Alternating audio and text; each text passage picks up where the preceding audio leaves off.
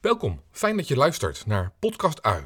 Vroeger kon ik me- mijn gevoel niet voelen. Ik kon niet bij mijn gevoel komen. Ja. Dus ik had in bepaalde stadia van mijn leven had ik iemand kunnen vermoorden. Zonder dat ik er heel erg veel last van zou hebben.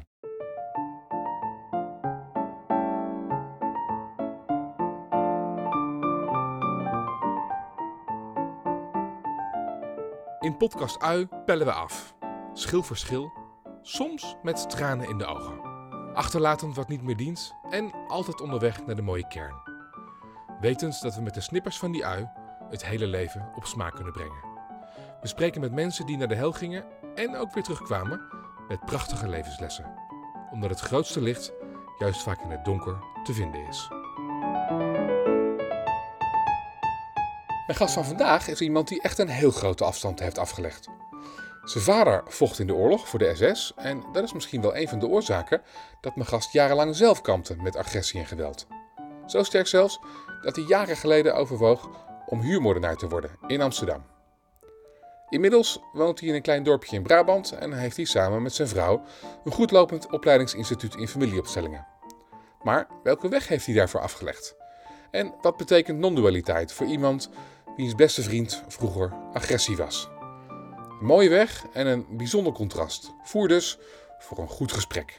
Graag stel ik aan je voor, Elmer Hendricks.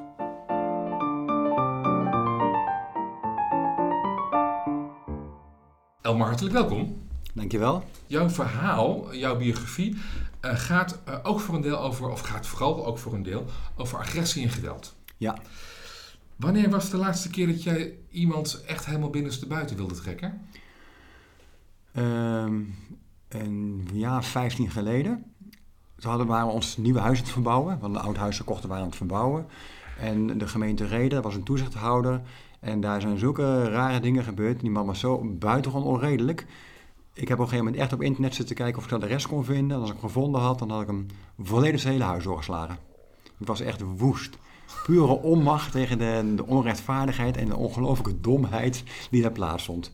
Maar goed, het zegt natuurlijk heel veel over mij dat ik die agressie op dat moment voelen kon. Dat zal nou niet meer gebeuren. Wat is agressie? Ehm, ja, je, je zou kunnen zeggen, je hebt meerdere soorten agressie. Ehm, agressie kan ook grenzen aangeven zijn. Ja. Ja, dat is eh, een gezonde manier van agressie. Jij komt er dichtbij, dus ik, word er, hè, dus ik zeg uh, hou stop. Ja, Ja. en als dat, eh, dat, dat overschreden wordt, het hoofdstop, dan kan de agressie komen. Dat is een gezonde agressie. En je hebt natuurlijk ook agressie uit onmacht. Ja. En die agressie uit onmacht, die is, eh, die is heel gevaarlijk. Ja. Die eerste agressie, dat zou je kunnen zeggen, is een soort primaire emotie. Natuurlijke drift of zo, of Ja, exact. En als dat de grenzen aangeven gebeurd is met die agressie, dan vloeit die agressie snel weg. Ja. De agressie vanuit onmacht is gewoon een wat blijft sudderen altijd. Er hoeft maar iets te gebeuren en dat vlamt weer op. Ja, en dat kan jarenlang eh, als een veenbrand in iemands karakter eh ja doorgaan. Hè? een leven lang kan dat. Ja. Angst, speelt dat ook mee? Ja, enorm. Of is het vooral onmacht? Nee, ook angst. Ik bedoel, als er geen angst zou zijn, dan zou er ook weinig onmacht zijn. Ja, wat was het voor jou? Beide, beide. Ehm, heel veel angst, waar ik me nooit bewust van geweest ben, tot ik er bewust van werd. Mhm. En, eh, ja, en onmacht. En ook de onmacht was ik me niet bewust van. Ik was me simpelweg helemaal nergens bewust van. Ik was zo bewust op dit tafelkleed hier. Ja. je hebt een foto meegenomen en Ja. eh, die ligt nu eh, voor jou. Eh, als je naar jezelf kijkt, wat of wie zie je dan? Ik ben daar eh, iets van 28. Ja? Ja. En, en wat zie je? Wie zie je? Ehm, iemand die een goed leven heeft, veel plezier in het leven heeft, voor de rest volledig onbewust is en eigenlijk, ehm, eigenlijk altijd bang is. Bang waarvoor? Bang om te verbinden, bang voor contact met anderen, bang om. bang voor geweld. Terwijl ik wel geweld gebruikt heb. Ja, ik denk eigenlijk, eh, ik denk eigenlijk bang voor het leven überhaupt. Wat is er angstig aan het leven? Wat kan er gebeuren? Eh, er kon geweld gebruikt worden. ehm, je kon doodgaan, je kon vernederd worden, je kon eh, niet gezien worden. eh, van alles. Ja, op de een of andere manier in het, in het rijtje wat je noemt, komt vooral het woord vernedering in me naar boven. Dat is natuurlijk een van de ergste dingen die je als man kan overkomen ook. Ja, vooral als het gebeurt door je moeder. Iedere moeder die een zoon vernedert, ehm, die zoon die groeit verknipt op. Is dat bij jou gebeurd? niet echt vernederd in die zin, maar ehm, mijn moeder was alcoholist, nu niet meer. Uh, was alcoholist vroeger. Uh, in mijn prilste jeugd is dat al begonnen. En ehm, ja, ze had een, eigenlijk een grote minachting voor mijn vader. Had ik ook overigens, een grote minachting voor mijn vader. Maar die minachting voor mijn vader, die breidt zich natuurlijk naar meerdere mannen uit. Hè? Alles wat mannelijk eigenlijk is, dat, dat kreeg haar minachting. En als, je, en als zij jouw vader minacht en jij bestaat voor de helft uit je moeder en voor de helft uit je vader. Precies. Dan minacht ze dus ook de mannelijkheid in jou. Ja, exact. Ja. Um, vertel eens iets over je ouders. Want hè, je bent familieopsteller, dus laten we maar meteen lekker de, de diepte induiken. Uh, mijn vader was een, uh, nou, die heeft bij de SS gezeten vroeger. In de Tweede Wereldoorlog? In de Tweede Wereldoorlog, ja. ja. Na de Tweede Wereldoorlog is hij genaturaliseerd tot Nederlander. Uh, eigenlijk is hij... Een... Wat heeft je vader gedaan bij de SS? Heeft hij in Nederland allerlei mensen vermoord? Of? Nee, nee, hij heeft in Rusland gevochten. Daar is hij ook zijn been kwijtgeraakt. Dus hij is op het, met de laatste groep is hij mee naar Rusland gegaan. Een beetje kanonnenvoer eigenlijk. Daar waren ze al aan het verliezen, de Duitsers. Nou, daar heeft hij aan het front gezeten en uh, daar heeft hij gevochten. De SS, dat waren de, de meest overtuigde uh, antisemieten, toch? Ja, en dat was mijn vader ook. Maar ook vanuit, uh, ja, vanuit conditionering, vanuit indoctrinatie. Dat is later bij mijn vader ook, ehm, ja, toen zijn zijn ogen, ogen geopend, maar dat was pas veel later. En zag hij ook de waanzin daarvan. Maar in het moment zelf, hij was nog vrij jong, hij was 19, ja, ja zag hij dat niet. Goed. Was, hij ging gewoon puur mee met de rest. Als kanonnenvlees naar Rusland gestuurd? Ja, ja daar heeft hij uh, uh, onder vuur gezeten. Uh, heeft een kogel in zijn been gekregen. Ehm, de hele groep was al gevlucht. Mijn vader bleef achter met, een, met de kogel in zijn been, verbrijzeld onderbeen. Toen is hij naar de kant van de weg is, is hij kunnen kruipen. En omdat hij een SS-uniform aan had, is hij nog meegenomen. Want de terugkerende Duitsers namen alleen de zogenaamde elite mee. En dat waren de SS'ers. Dus toen is hij mee teruggenomen. Is hij in een hospitaal terechtgekomen, hebben zijn been geamputeerd. En de andere kant zijn halve voet. Die was ook aangetast door de kou.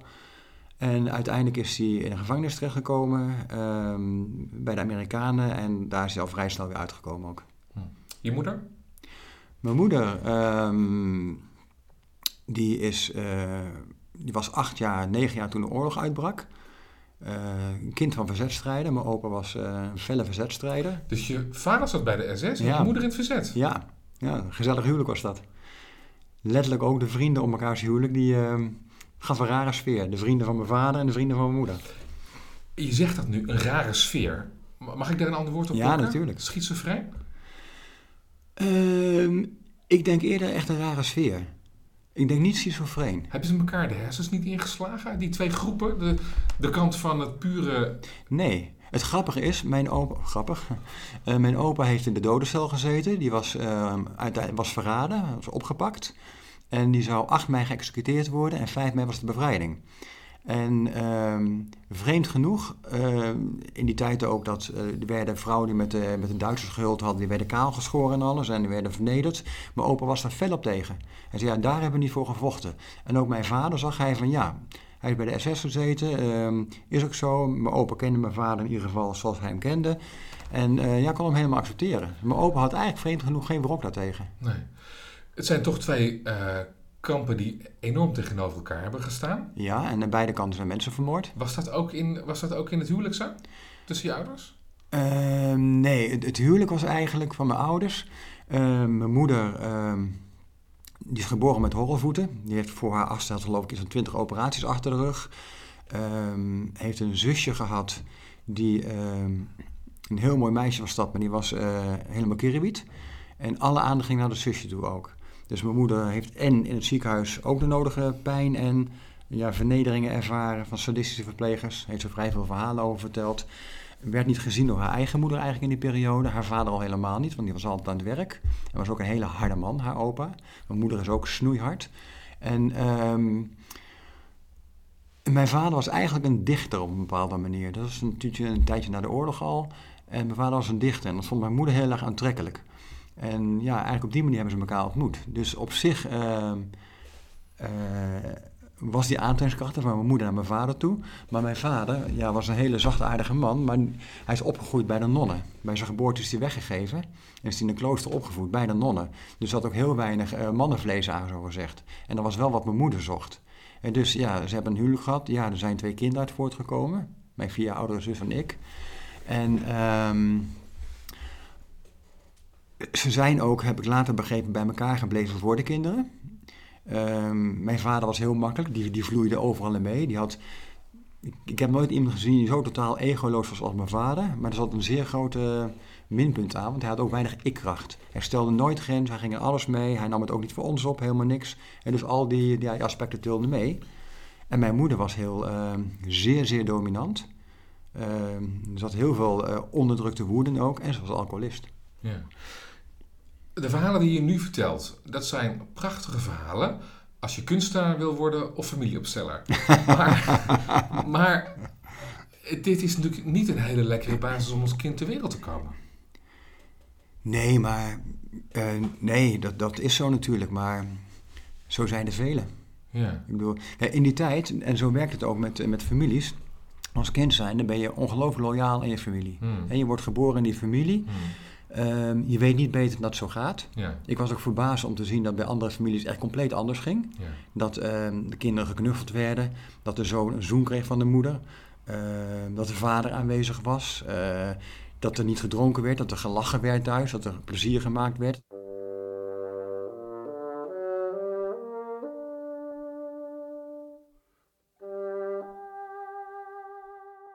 In jouw biografie, waar we het net al eventjes over hadden, uh, zit dus veel agressie en geweld. Ja. Herinner jij je een eerste moment waarop dat in jou naar voren kwam? Ja, als kind al, maar dan alleen maar in mijn fantasieën, niet in de uitvoering. Als kind al had ik de fantasie dat ik echt uh, mensen vermoordde. Dat ik echt mensen um, ja, om zeep. En vooral vrouwen. Wat natuurlijk al te verklaren is. Namelijk naar je moeder toe. Ja. Waren dat uh, concrete mensen? Nee, altijd in de fantasie. Ja, alles van, altijd in de fantasie. Ik had er geen bepaald beeld bij. Het waren geen personen eh, die ik toen zou willen vermoorden. Maar ze hadden wel allemaal lange haren. Wat is... Uh, wat is uh, um, en wanneer kwam dat voor de eerste keer uh, ook fysiek naar buiten? Die fantasieën? En mijn achter is in eerste instantie altijd heel erg onderdrukt geweest. Ja. Hè, dus in mijn overlevingsmechanisme. Want Ehm, ik mocht thuis nooit boos worden. Dat, was, dat kon niet, er was geen ruimte voor om boos te worden. Dus mijn agressie is heel erg onderdrukt geweest. En um, sowieso in mijn vechtsporten um, uh, kon die agressie heel goed kwijt. Maar dat is al een stuk later. Ja, dat is een heel stuk later. Toen was ik uh, 16, ja. 15. Zijn er als kind, laten we zeggen op de basisschool, dingen, of dingen gebeurd of momenten geweest waarop die agressie naar buiten kwam? Nee, nee dat kon niet. Dat... Ik was me niet bewust van die agressie in die tijd. Ik voelde me heel vaak machteloos en, en woedend. Maar ehm, ik kon die woede geen uiting geven, want dat, dat mocht niet. Dat was gewoon zo not done thuis. Want als ik boos werd, ik had geen recht om boos te worden, want ik, ik had het zo goed. Dus er was uh, totaal geen ruimte voor. Dus mijn agressie is altijd in die zin onder druk geweest op een dusdanige manier dat ik op een gegeven moment ook helemaal niet meer van bewust was. En waren je ouders agressief of gewelddadig naar jou toe? Uh, mijn vader absoluut niet, die, die had het niet in zich. Uh, mijn moeder met enige regelmaat. Een reguliere klap, maar dan wel met de knuisten. Mijn moeder was loeisterk. Ben je in elkaar geslagen? Nee, niet in elkaar geslagen. Nee. Ik ben nooit echt uh, zo half ziekenhuizen gemapt, dat niet. Ook bij mijn moeder was het een agressie vanuit onmacht. Ja. Zat er veel agressie en, en, en, en geweld tussen je ouders onderling? Nee, nee, dat was, dat was niet mogelijk met mijn vader. Want mijn vader een uitstekende strategie, die ging in alles mee. Die ging het gewoon uit de weg? ja, die ging volledig uit de weg. Die ging nergens tegenin. Die gaf mijn moeder aan alles gelijk wat ze maar wilde. En, en dat was het. Mijn moeder was gewoon uh, de baas in huis. Kun je zeggen dat jij een klote jeugd hebt gehad? Ja. Ja. Ja, absoluut.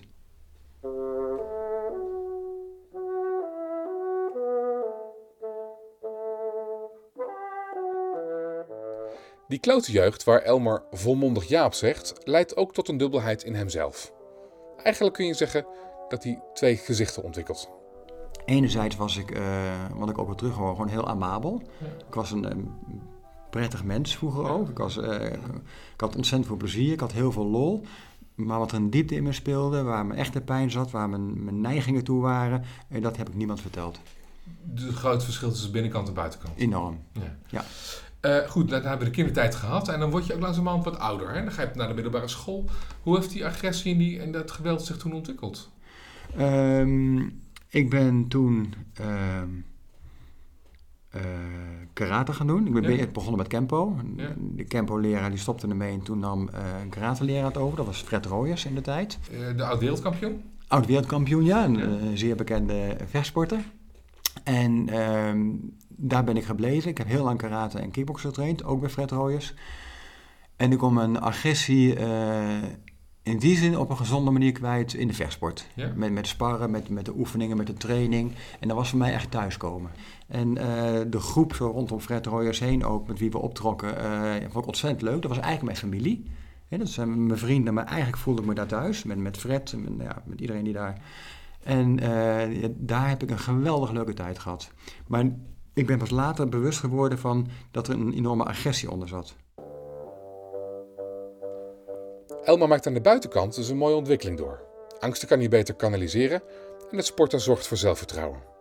Maar aan de binnenkant verandert er niks. Het ene panzer wordt vervangen door een ander panzer. Vechtsporten, ik heb er echt helemaal niks mee. Kun je me uitleggen wat het, wat het op een dieper level is? Als ik er naar kijk, dan denk ik wat zonde dat mensen elkaar verrot schoppen. Nou, voor mezelf ehm, sprekend, eh, wat ik later pas realiseerde, was voor mij een overlevingsmechanisme. Dus was voor mij een, ehm, een manier om mijn agressie te kanaliseren, om mijn angst onder ogen te komen. Want ik heb nooit geweten hoe bang ik was. Daar ben ik pas twintig jaar geleden achter gekomen. Dat ik eigenlijk mijn hele leven lang heel erg bang geweest ben. En eh, die vechtsporten was ook een manier om eh, sterk te worden. In die tijd was ik heel erg getraind, dus ik was ook heel erg sterk. In verhouding Ja. tot wat ik nu ben. En ehm, dat maakte ook dat ik me in zekere zin onkwetsbaar voelde. Ja. Maar puur om, bij mij dus puur om de, om de angst weg te duwen. Verder, als ik nu weer zou beginnen met een vechtsport, dat heb ik geprobeerd, maar mijn fysiek laat dat niet zo goed toe. En zou vanuit een hele andere basis zijn. Want ik vind de bewegingen wel heel erg leuk. Ik vind het spel, wat het is, eh, ten voor de ander, vind ik heel erg leuk ook. Eh, Het meten van elkaar vind ik leuk. Dus ik vind de hele competitie erachter vind ik heel erg leuk.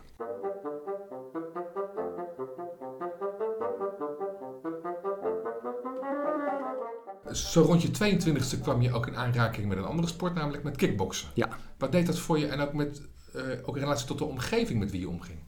Nou, de omgeving eh, in Arnhem met wie ik kickbokste eh, was prima. Want wa- er waren allemaal mensen rondom Fred Royers. En Ja. Fred Royers was, een, eh, was is, ja, een fatsoenlijke kerel. Die trok geen criminelen aan in die zin.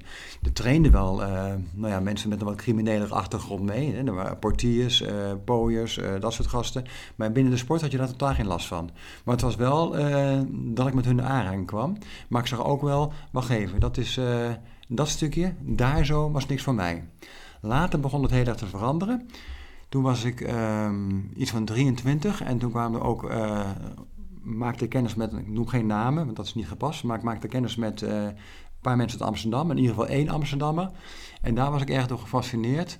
En toen had ik ook heel duidelijk van, ehm, ik word huurmoordenaar. Het klinkt heel bizar, het lijkt of het vanuit niks kwam, maar toen voelde ik in één keer van, hé, hey, eh, dit is eigenlijk wat ik wil.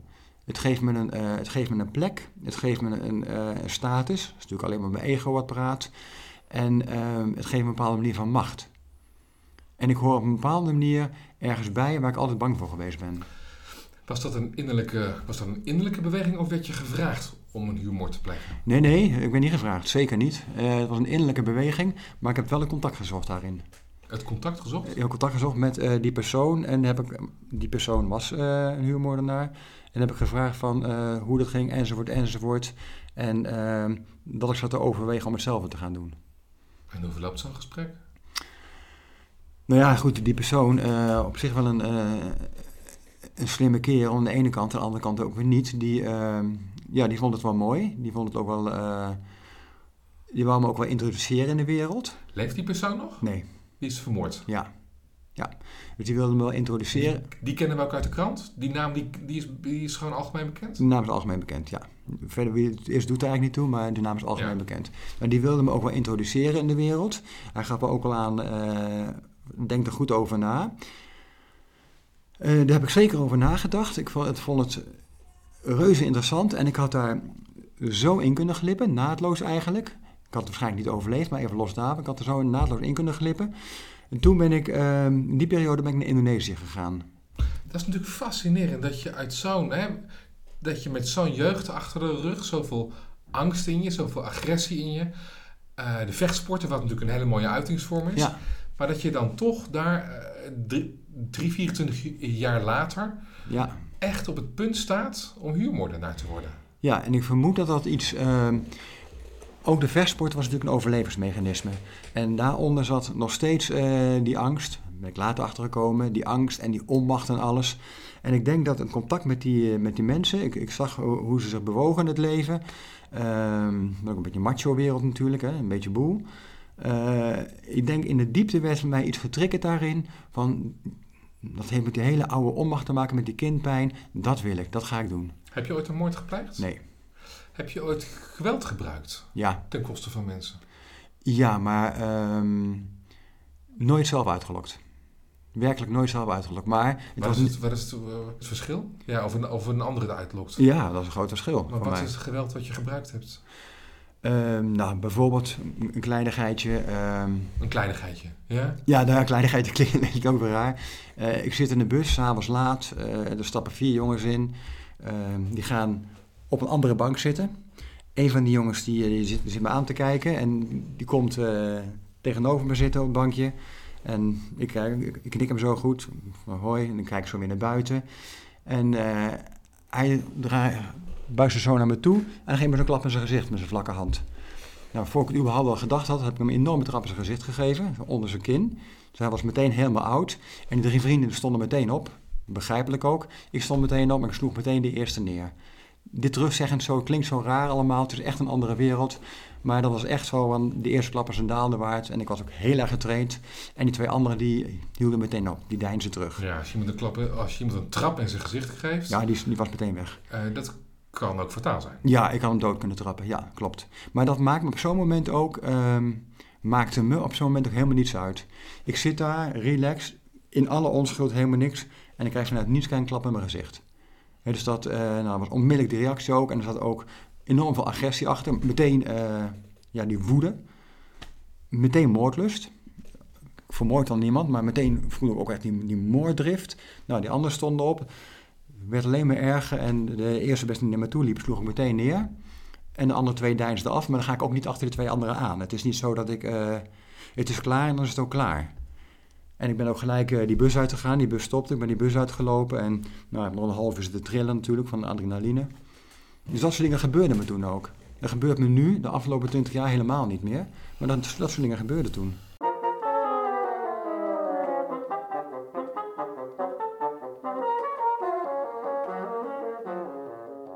Elmer gaat naar Indonesië voor een vechtsporttraining en hoort daar dat de huurmoordenaar met wie hij contact had gehad nu zelf om het leven is gekomen. Een grote schok en toch ook weer niet, gezien de aard van het werk. Daarop besluit hij dat hij die wereld niet in wil gaan en sterker nog, het geweld eigenlijk af wil zweren. Toch moet er een vrouw aan te pas komen, hoe cliché, om hem definitief het goede pad op te, op te brengen. Ik heb haar ontmoet bij karate. En zij, eh, nou, het was gewoon leuk. Een, vrouw die op karate kwam. Ik had helemaal niks met haar verder. En een keer later was ik met haar aan het kletsen. En ik werd smoorverliefd op haar. En dat was heel merkwaardig, want dat kende ik niet verliefd worden. Ik was er nooit van mijn leven verliefd geweest. en zij zei nee. Dus ik had haar gevraagd op een gegeven moment. Ik had gezegd, ik ben verliefd geworden op je. Pas maanden later hoor, dat durfde ik niet eerder. En zij wees me finaal af. Gewoon heel duidelijk, heel helder, ze wees me af. Nou, en toen kwam er een krek in mijn panzer. Dat, dat was gewoon absurd dat ik afgewezen werd. En hoe kan dat nou? Ze was de vrouw van mijn leven, dat kon ik voelen. En dat krek in mijn panzer, dat maakte dat ik in één keer eh, echt van alles begon te voelen. Ik begon heel duidelijk mijn angst te voelen. Voor die tijd kon ik hem niet echt voelen. Ik begon heel duidelijk mijn onmacht te voelen.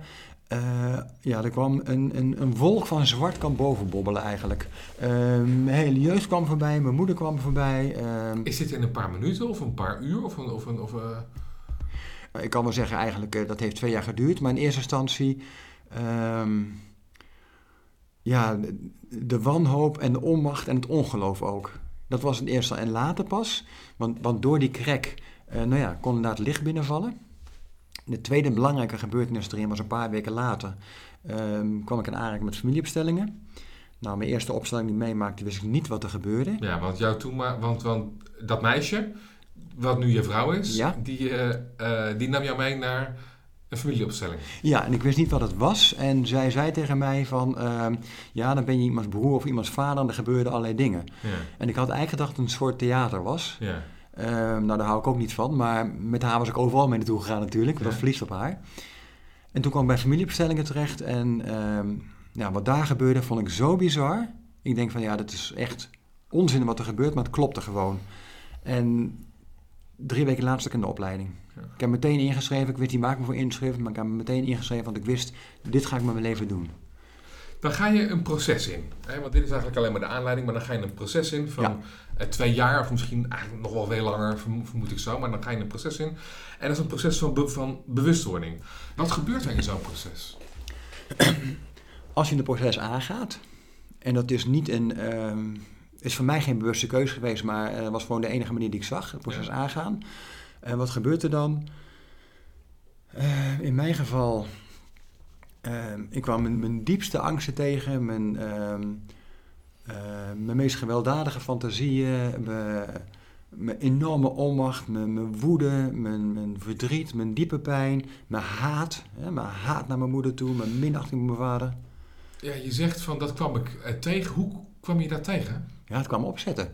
Dus het moment Dus dat ik... je, je was aan het eh, eten koken of, of, of aan het fietsen? Nee, nee, nee, nee, nee, Nee. nee. Dat is... ehm, eh, op het moment dat ik correct erin kwam, is dat zo gaan rommelen. En het is gewoon in de loop van de tijd is dat ehm bovengekomen. Hè? Ik begon dus met de opleiding Je familiebestellingen. bent overspoeld met vlagen van emoties. Ik werd overspoeld met vlagen van emoties. En als je dan, eh, als je dan in zo'n, in zo'n haatemotie zat, om maar iets te noemen, hoe zag dat er dan uit? Of wat deed je dan? Ja, vreselijk. Ehm, ik wou alles om me heen kapot maken, vernietigen. eh. Echt vernietigen. Niet doodmaken, maar echt vernietigen. Dat deed ik natuurlijk niet, want dat begreep ik wel. Hè. Mijn cognitie was niet helemaal weg. Maar het was ehm, ja, net, net of je gevangen zit in een dwangbuis en er is geen ontkomen aan. Je kan er niet uitkomen. Ja, ik kon er niet veel mee. Ik- het enige wat ik kon, eh, en dat deed ik wel, was erbij blijven. Ik had wel zoiets van, ehm, deze pijn, deze haat, die onmacht, daar moet ik niet uit weggaan. Ik, ik- intuïtief begreep ik, of instinctief, ik weet het niet, begreep ik van ik moet daarin blijven. Want dit, ik, iets in mij begreep, ja, laat ik het zo zeggen, iets in mij begreep zonder te begrijpen, hier ligt de weg om eruit te komen. Ik moet er doorheen. En dat had ik toen wel eerder gehoord, ook met familiebestellingen in de opleiding die ik toen deed. Van ja, je, moet door de pijn heen. Maar dat waren maar concepten voor me. Ja, en Maar- toen werd het concept helder, eh, erbij blijven. Ja. Het, het, ge- het gewoon voelen. Ja, en nog meer dan dat. Er echt het bewust ingaan. Dus niet alleen maar erbij blijven van hé, hey, het loopt parallel met mij mee. Nee, maar er echt naartoe bewegen en erin gaan. En, En wat het- betekent erin gaan voor jou? Ehm, diep in de haat gaan, diep in de onmacht gaan. Ehm, nou ja, daar mijn moeder in tegenkomen, mijn vader in tegenkomen, andere personen uit mijn leven tegenkomen die zo in één keer oppopten, die mij het nodige aangedaan hadden vanuit hun eigen En daar gesprekken mee gevoerd in je hoofd? Nee, nee, nee. eh, afgemaakt, vernietigd. Niet niks gesprekken. Dat eh, het moest allemaal, het moest allemaal weg. Het, wa- het was allemaal.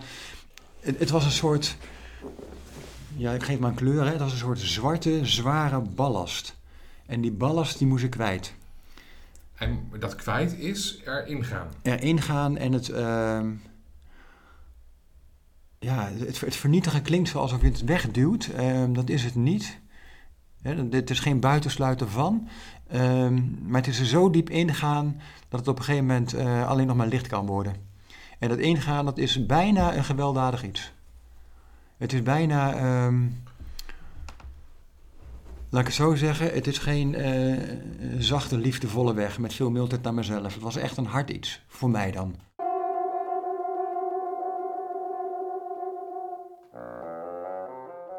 Persoonlijke groei, dus niet als compassievolle wierookjes branden en op beterschap hopen, maar met blote klauwen je eigen doornenstruik de grond uittrekken. Het gaat erom, zegt Elmer, om je eigen pijnen onder ogen te komen. De grootste pijnen, ehm, dat zijn je richtingaanwijzer. Waar je heen moet of waar je vandaan moet. Waar je heen moet. De vandaan is geen enkele weg. De, de vandaan en dan ehm compassievol naar jezelf kijken vanaf een afstandje, dat lost niks op. De grootste emotie is, daar moet je heen. Ja. Waar het heen wijst. Ja. En de natuurlijke beweging is er vanaf gaan, Ja. want je wil van de pijn weg. Daar waar het heen wijst, die grote emotie, is vaak ook een, eh, iets in je karakter. Of iets wat scheef zit in je karakter. Iets wat je verkeerd hebt begrepen over het leven. Ja, ja, Ja. ja. dat zeker. Wat zat er scheef in jou? Wat heb je ontdekt over jezelf met die richtingaanwijzer? Ah ja, dat ik totaal niet in staat was om het te verbinden. Dat ik eh, een enorme angst had om me te verbinden. Met- Dat ik een enorme angst had voor vrouwen, met name voor vrouwen. Eh, ik zou niet weten hoe ik me moest verbinden. Ik had een enorme angst voor het leven zelf eigenlijk, kwam ik later achter. Ehm, Wat is er zo eng aan het leven? Wat kan er gebeuren in het leven? Eh, mensen kunnen je pijn doen. Eh, je, kan, eh, vanuit, ja, je kan de verbinding aan willen gaan en dan afgewezen worden. Eh, Er zat bij mij natuurlijk een enorm hechtingstrauma hè, met mijn moeder. Mijn vader ook, want die was ook niet aanwezig. Dus in beide ouders, maar vooral met mijn moeder, een enorm hechtingstrauma. En als je een hechtingstrauma hebt, dan is iedere vorm van verbinding, die roept het oude trauma weer op. En dat is werkelijk een doodsangst. Dus iedere keer dat ik een verbinding wilde aangaan, dat wilde ik niet, want ik was er al van tevoren al voor beschermd. Beschermde ik mezelf er tegen. Maar er zit een doodsangst op. Nou, en die doodsangst, toen die panzers wegvielen, en die krek erin kwam, en doordat die panzers begonnen op te lossen, kwam ik die doodsangst tegen. En dat is niet iets wat scheef zit, maar dat is simpelweg het trauma wat er zat. Heb je mensen excuses aangeboden of heb je dingen rechtgezet Nee, voor dingen uit je verleden? nee. Daar heb ik nooit behoefte aan. Nog steeds niet, voel ik geen behoefte toe. Als ze naar mij toe zouden komen voor een gesprek, sta ik er volledig open voor. Maar jij was degene ook regelmatig die agressief was. of Jawel, die- maar daar heb ik geen spijt van. Ik, ik was toen degene die ik was. En ehm, ik ben nou op geen stukken naar meer degene die ik was. Dus als ik nu excuses zou aanbieden, biedt er een andere persoon excuses aan. Dus dat, eh, dat zie ik ook niet als zinvol. Nou, dat, dat, dat snap ik dat jij je innerlijk zo voelt. Dat jij eh, innerlijk een ander mens bent. eh, maar in je paspoort staat nog steeds Elmar Hendricks. Dus Zeker. voor de dingen die, je toen gedaan, die Elmar Hendricks toen gedaan heeft... kun je op zich nog best je excuus aanbieden. Nou ja, als mensen er nog last van hebben, vanuit hun, vanuit hun eigen thema's, dan mogen ze mij altijd opzoeken. Dus als je deze podcast hoort, je mag, me altijd opzoeken. En dan ga ik gesprekken aan. Dat is prima. En als ze dan excuses willen hebben, dan kan ik excuses maken voor degene die ik toen was.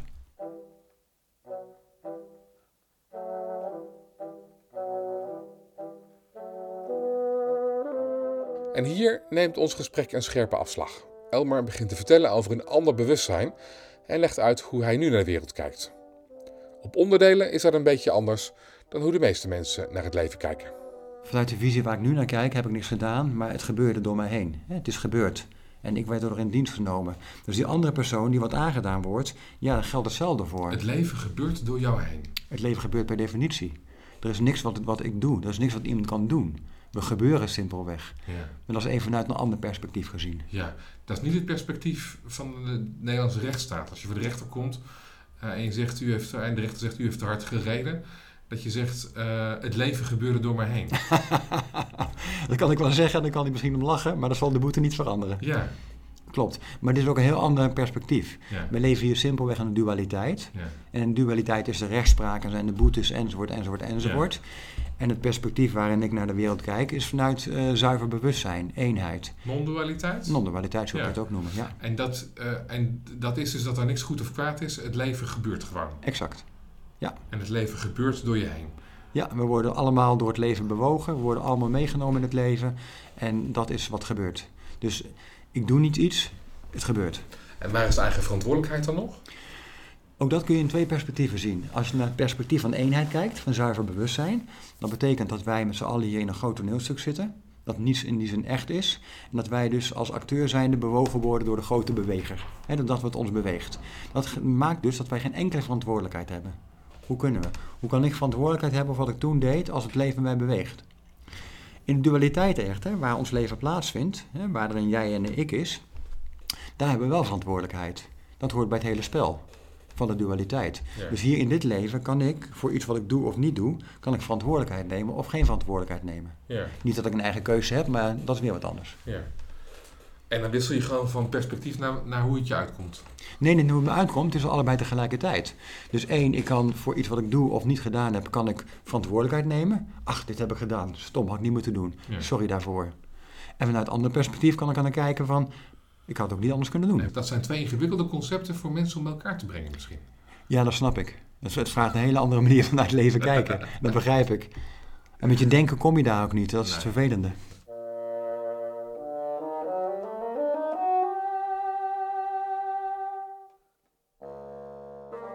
Elmers hele verhaal gaat over agressie. Vroeger uitgeleefd, later getransformeerd. Daarom is het nog wel even interessant. Hoe zit het nu eigenlijk, na al die jaren ontwikkeling, met zijn agressie? Ja, überhaupt komt in de natuur ook agressie en geweld voor. Dat is een, natuurlijke beweging. Mhm. Dus de, de, manier waarop ik er nu mee omga is ook een, uh, een natuurlijke beweging. Daar bedoel ik mee dat als, uh, als iemand over mijn grens heen gaat, uh, dan kan ik boos worden, kan ik kwaad worden. Puur om die grens aan te geven. Dat is ook een natuurlijke manier. Ja, dat. Ja. Meer, meer is er eigenlijk niet. Als iemand mij onrecht zou aandoen, uh, op welke manier dan ook, dan kan ik boos worden op een natuurlijke manier. Het grote verschil is, is dat ik boos kan worden in het moment. En uh, als het nodig is, tegelijkertijd weet ik, en dat is een hele belangrijke, ik weet tegelijkertijd, ik ben niet die boosheid. Die komt helemaal op, maar ik identificeer me niet met die boosheid. Het kan me eventjes meenemen, omdat het ook even nodig is. Maar op het moment dat ik het merk, ben ik gelijk weer bewust van. En dan kan ik er wel als waarnemer naar kijken. Ach ja, kijk, de personage Elmer Hendricks is dit moment boos, want hij moet boos worden om die en die reden. Ach, interessant. Eigenlijk niet meer verbonden met de boosheid. Terwijl ik hem wel in mijn lichaam kan voelen natuurlijk. Een van de grootste angsten die je hebt gehad, uh, ging over uh, het verbinden met mensen. Ja. Het werkelijk contact aangaan. Ja. Een van de belangrijke uh, uitingsvormen van, of een van de uitingsvormen van verbinding aangaan, is seksualiteit.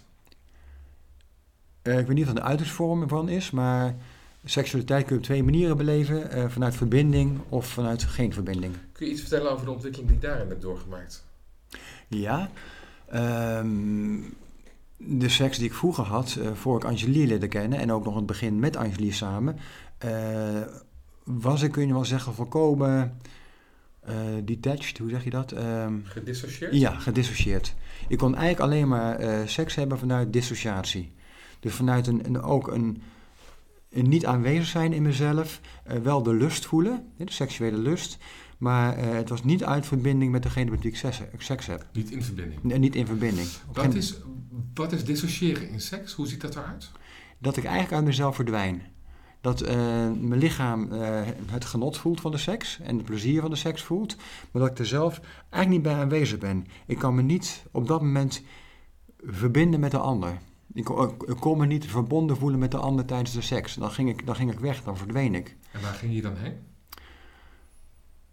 Waar ik heen ging, weet ik niet, maar waarvan ik, waarvan ik wegging wel. En van wegging was uh, contact. vanuit het contact. En de eerste keer dat ik erachter kwam was samen met, eigenlijk met Angelie. Dat de eerste keer dat ik met haar echt seks had, uh, dat ze op een gegeven moment zei van, uh, waar ga je heen? En toen realiseerde ik me pas, ja, en, en, toen zag ik haar weer. En toen was ik echt helemaal in de war. Hmm. Want ik had, ik had nooit op een andere manier seks ervaren. En nu ehm, moest ik er in één keer bij blijven. Ja. ja, moest ik er in één keer bij blijven? Ja, van mezelf. Ja. Ja, van hé, hey, ja, dat was een hele, andere, een hele andere beleving. In het begin was het heel vreemd. Ik heb de indruk uh, dat heel veel mannen dit hebben. Ja, dat heb ik ook, die indruk. Ik, ik weet ook vanuit de ervaring van systemisch werk dat verreweg de meeste mannen een grote angst hebben voor vrouwen. Hoe komt dat? Verschillende redenen. Um, eerste instantie is eerste... je zou denken dat het andersom is, dat vrouwen bang zijn voor mannen. Ja, vrouwen hebben op het algemeen minachting voor mannen. En vrouwen kunnen bang zijn voor het geweld die uh, mannen gaan gebruiken, voor het geweld. Dus daar kunnen ze bang voor zijn. Uh, mannen zijn vooral bang voor vrouwen. Nou ja, de, eerste vrouw in je leven is natuurlijk je moeder. Als daarmee de hechting uh, niet helemaal goed gegaan is, of er zijn andere conflicten, in iedere andere vrouw in je leven, daar projecteer je je moeder op. En je moeder is zo belangrijk onbewust projecteer, projecteer daar je moeder op. Dus ook met alle angst en onmacht die daarbij zit. Nou, angst en onmacht is een vervelende, een vervelende emotie. Dus soms overschreeuwen die door middel van geweld. Uh, een ander aspect is, vrouwen zijn veel dieper verbonden met het leven en met de dood dan mannen. He, vrouwen dragen natuurlijk het kind, dragen het leven in zich, zijn daar in symbiose mee, totaal mee verbonden. Um, en als kind geboren wordt, niet zo heel lang geleden, uh, gingen er regelmatig vrouwen dood bij de geboorte. Dat gebeurt tegenwoordig minder in het Westen, maar gingen ze dood. En vrouwen wisten het van tevoren, dat die mogelijkheid is om dood te gaan ook. Dus in die zin, het leven doorgeven ging voor hen altijd gepaard met de dood ook. Dus in die zin zijn vrouwen uh, veel dichter bij leven en dood dan mannen. De vraag is waarom mannen zo bang zijn voor vrouwen. In en, erg, en ergens vinden mannen dat eng. Dus een, de feit dat een vrouw zo diep verbonden is met leven en dood, dat vinden mannen beangstigend. Wat het je ook heeft opgeleverd, en dat is misschien wel het allerbelangrijkste, hè, in de integratie van eh, agressie is mooi en, en, en, en een prettige seksualiteit is ook fijn. Maar wat je vooral heeft opgeleverd is bewustzijn. Ja, dat is het grootste geschenk wat me ooit had kunnen overkomen. Dit hele proces. Wat is bewustzijn? Je zou kunnen zeggen, bewustzijn is bewustzijn over bewustzijn. Dus er bewust van zijn dat je in essentie een louter bewustzijn bent. Er is alleen maar bewustzijn. In alles en iedereen uh, komt voort uit bewustzijn. Ieder mens heeft exact hetzelfde bewustzijn. Maar wat is bewustzijn dan? Is dat dan uh, God of is dat Nee, alles, nee, nee. is dat- God is een verzinsel van mensen. Ja. Hè, vanuit vanuit Ja. angst gestuurd vaak. Ehm, bewustzijn is ja, overstijgend. Ja, het, het, het moeilijke is, en dat maakt het ook zo lastig om het eh, uit te leggen aan andere mensen. Ieder woord wat je erop probeert te zeggen, slaat de plank mis. Ja. Bewustzijn is niet. Het maakt inderdaad geen deel uit van de dualiteit. De dualiteit is te beschrijven. Onze hersens zijn uitgelegd om dualiteit te beschrijven. Het een, het ander, hoog, laag, enzovoort, enzovoort. Wij kunnen alles waarnemen dankzij de tegenstelling. Eenheid, dat concept kunnen we niet begrijpen. Goed, als bewustzijn dan alles is eigenlijk, hè? Alles en niets, ja. Ja. Wat jij dan hebt doorgemaakt, is een stijging in dat bewustzijn. Ja. Of een verruiming in dat bewustzijn. Het is maar net hoe je, het hoe je dat wil Ja, zien. Ja? welk woord je maar geven wil. Eh, hoe ziet dat eruit dan? Wat, is, wat, wat betekent dat dan? Hè, jij bent nu bewuster dan vroeger. Ja. Je hebt een hoger bewustzijn, ruimer bewustzijn Ja. dan vroeger. Ruimer bewustzijn, dat zo maar noemen. Wat is dat? Eh, hoe zie ik dat? Waarin... Jij ziet dat niet aan mij. Dat, dat dat is aan de buitenkant niet te zien.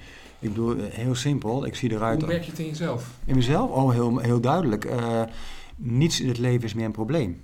Niets in het leven is zwaar. Niets in het leven is, ehm, is erg. Ehm, alles, is eigenlijk, alles is eigenlijk dood en doodsimpel geworden. Er, er is geen enkel probleem meer. Er is geen enkel thema meer. Daarmee bedoel ik niet dat ik, eh, als ik met een lekker band langs de weg sta dat ik- en ik heb een reserveband, dat ik even op dat moment een probleem heb. Maar dat probleem is geen probleem meer. Dat is alleen maar een lekker band op dat moment. En het gaat opgelost worden of niet. Maar het, gaat, een- het gaat, beweegt ergens heen, het doet iets. Voor jou betekent de stijging in bewustzijn het eh, verdwijnen van problemen. Ja, nee, veel verder dan dat. Ehm, de, eigenlijk kun je zeggen, de realiteit zien, exact zien zoals die is. En als je de realiteit kan zien zoals die is, zien dat het één groot spel is, je zou kunnen zeggen één grote illusie is, niet, niet waar, het is geen waarheid. De waarheid is bewustzijn en de uitingsvorm van bewustzijn is geen waarheid. Dat is wat ontstaat in het moment. Het hele universum is maar ontstaan in een moment en het verdwijnt ook weer in een moment. Ik bedoel, een moment kan wel miljarden jaren duren in onze tijdsbeleving, maar het is maar een moment. Het is een niet bestaand iets eigenlijk. We nemen het waar als echt, maar het niet bestaand.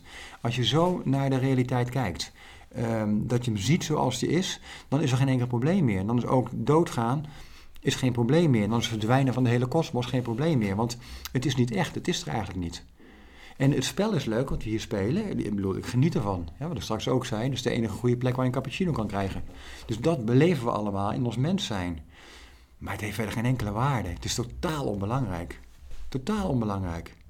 Het enige belangrijke daaraan is wat we er zelf van maken. De enige waarde heeft die we het zelf geven. De enige zin heeft het leven, de zin die we het zelf geven. Nou ja, hoe zinloos is dat? Het is een totaal andere blik op het leven en op wat we hier doen. Veel mensen zijn bezig met eh, hun huis of hun tuin of hun eh, hypotheek of hun kinderen. Gewoon heel erg daarmee bezig. En jij hebt een totaal andere blik op wat we hier aan het doen zijn. Ja, ja. En tegelijkertijd ehm, maakt het niet uit ehm, dat mensen met een hypotheek bezig zijn met hun leven, met al die aspecten. Dat hoort allemaal bij het leven. Er, er is geen keuze voor mij geweest, want er is geen mij of een ik eh, die gezegd heeft die wil bewust worden. Dat is iets wat gebeurt. Ik gebeur. Ik gebeur niet, het gebeurt. Dus Het gebeurt eh, door jou heen. het gebeurt door mij heen. Ja. Dus ik geloof ook absoluut niet in de vrije wil. Dat vind ik het grootste lachertje wat er bestaat, dat we vrije wil hebben. Is het een persoonlijke verdienste, deze ontwikkeling? Nee, dat, dat, net wat ik zeg, dat is geen persoonlijke verdienste. Want wie zou die verdienste moeten hebben? Er is geen persoonlijk en er is geen ik. Dus er is geen ik die die verdienste kan hebben. Het is simpelweg iets wat mij gebeurd is. En ik heb er geen keuzes in gemaakt, er zijn keuzes genomen. En zo geldt het voor iedereen. Ehm, iedereen wordt meegenomen in die beweging, ieder op een eigen manier. Iedereen maakt op een eigen manier ontwikkeling mee, of niet. Iedereen overkomt bepaalde dingen, of niet. Daar hebben we geen keuze in. Het is simpelweg dat wat er gebeurt. Net zo min eh, als we als een film zien en we hebben de keuze in van wat de acteur nu gaat doen. Nee, die acteur acteert op een bepaalde manier. Dat is de film, dat is het spel. Elmer Hendricks, heel hartelijk dankjewel. Heel graag gedaan.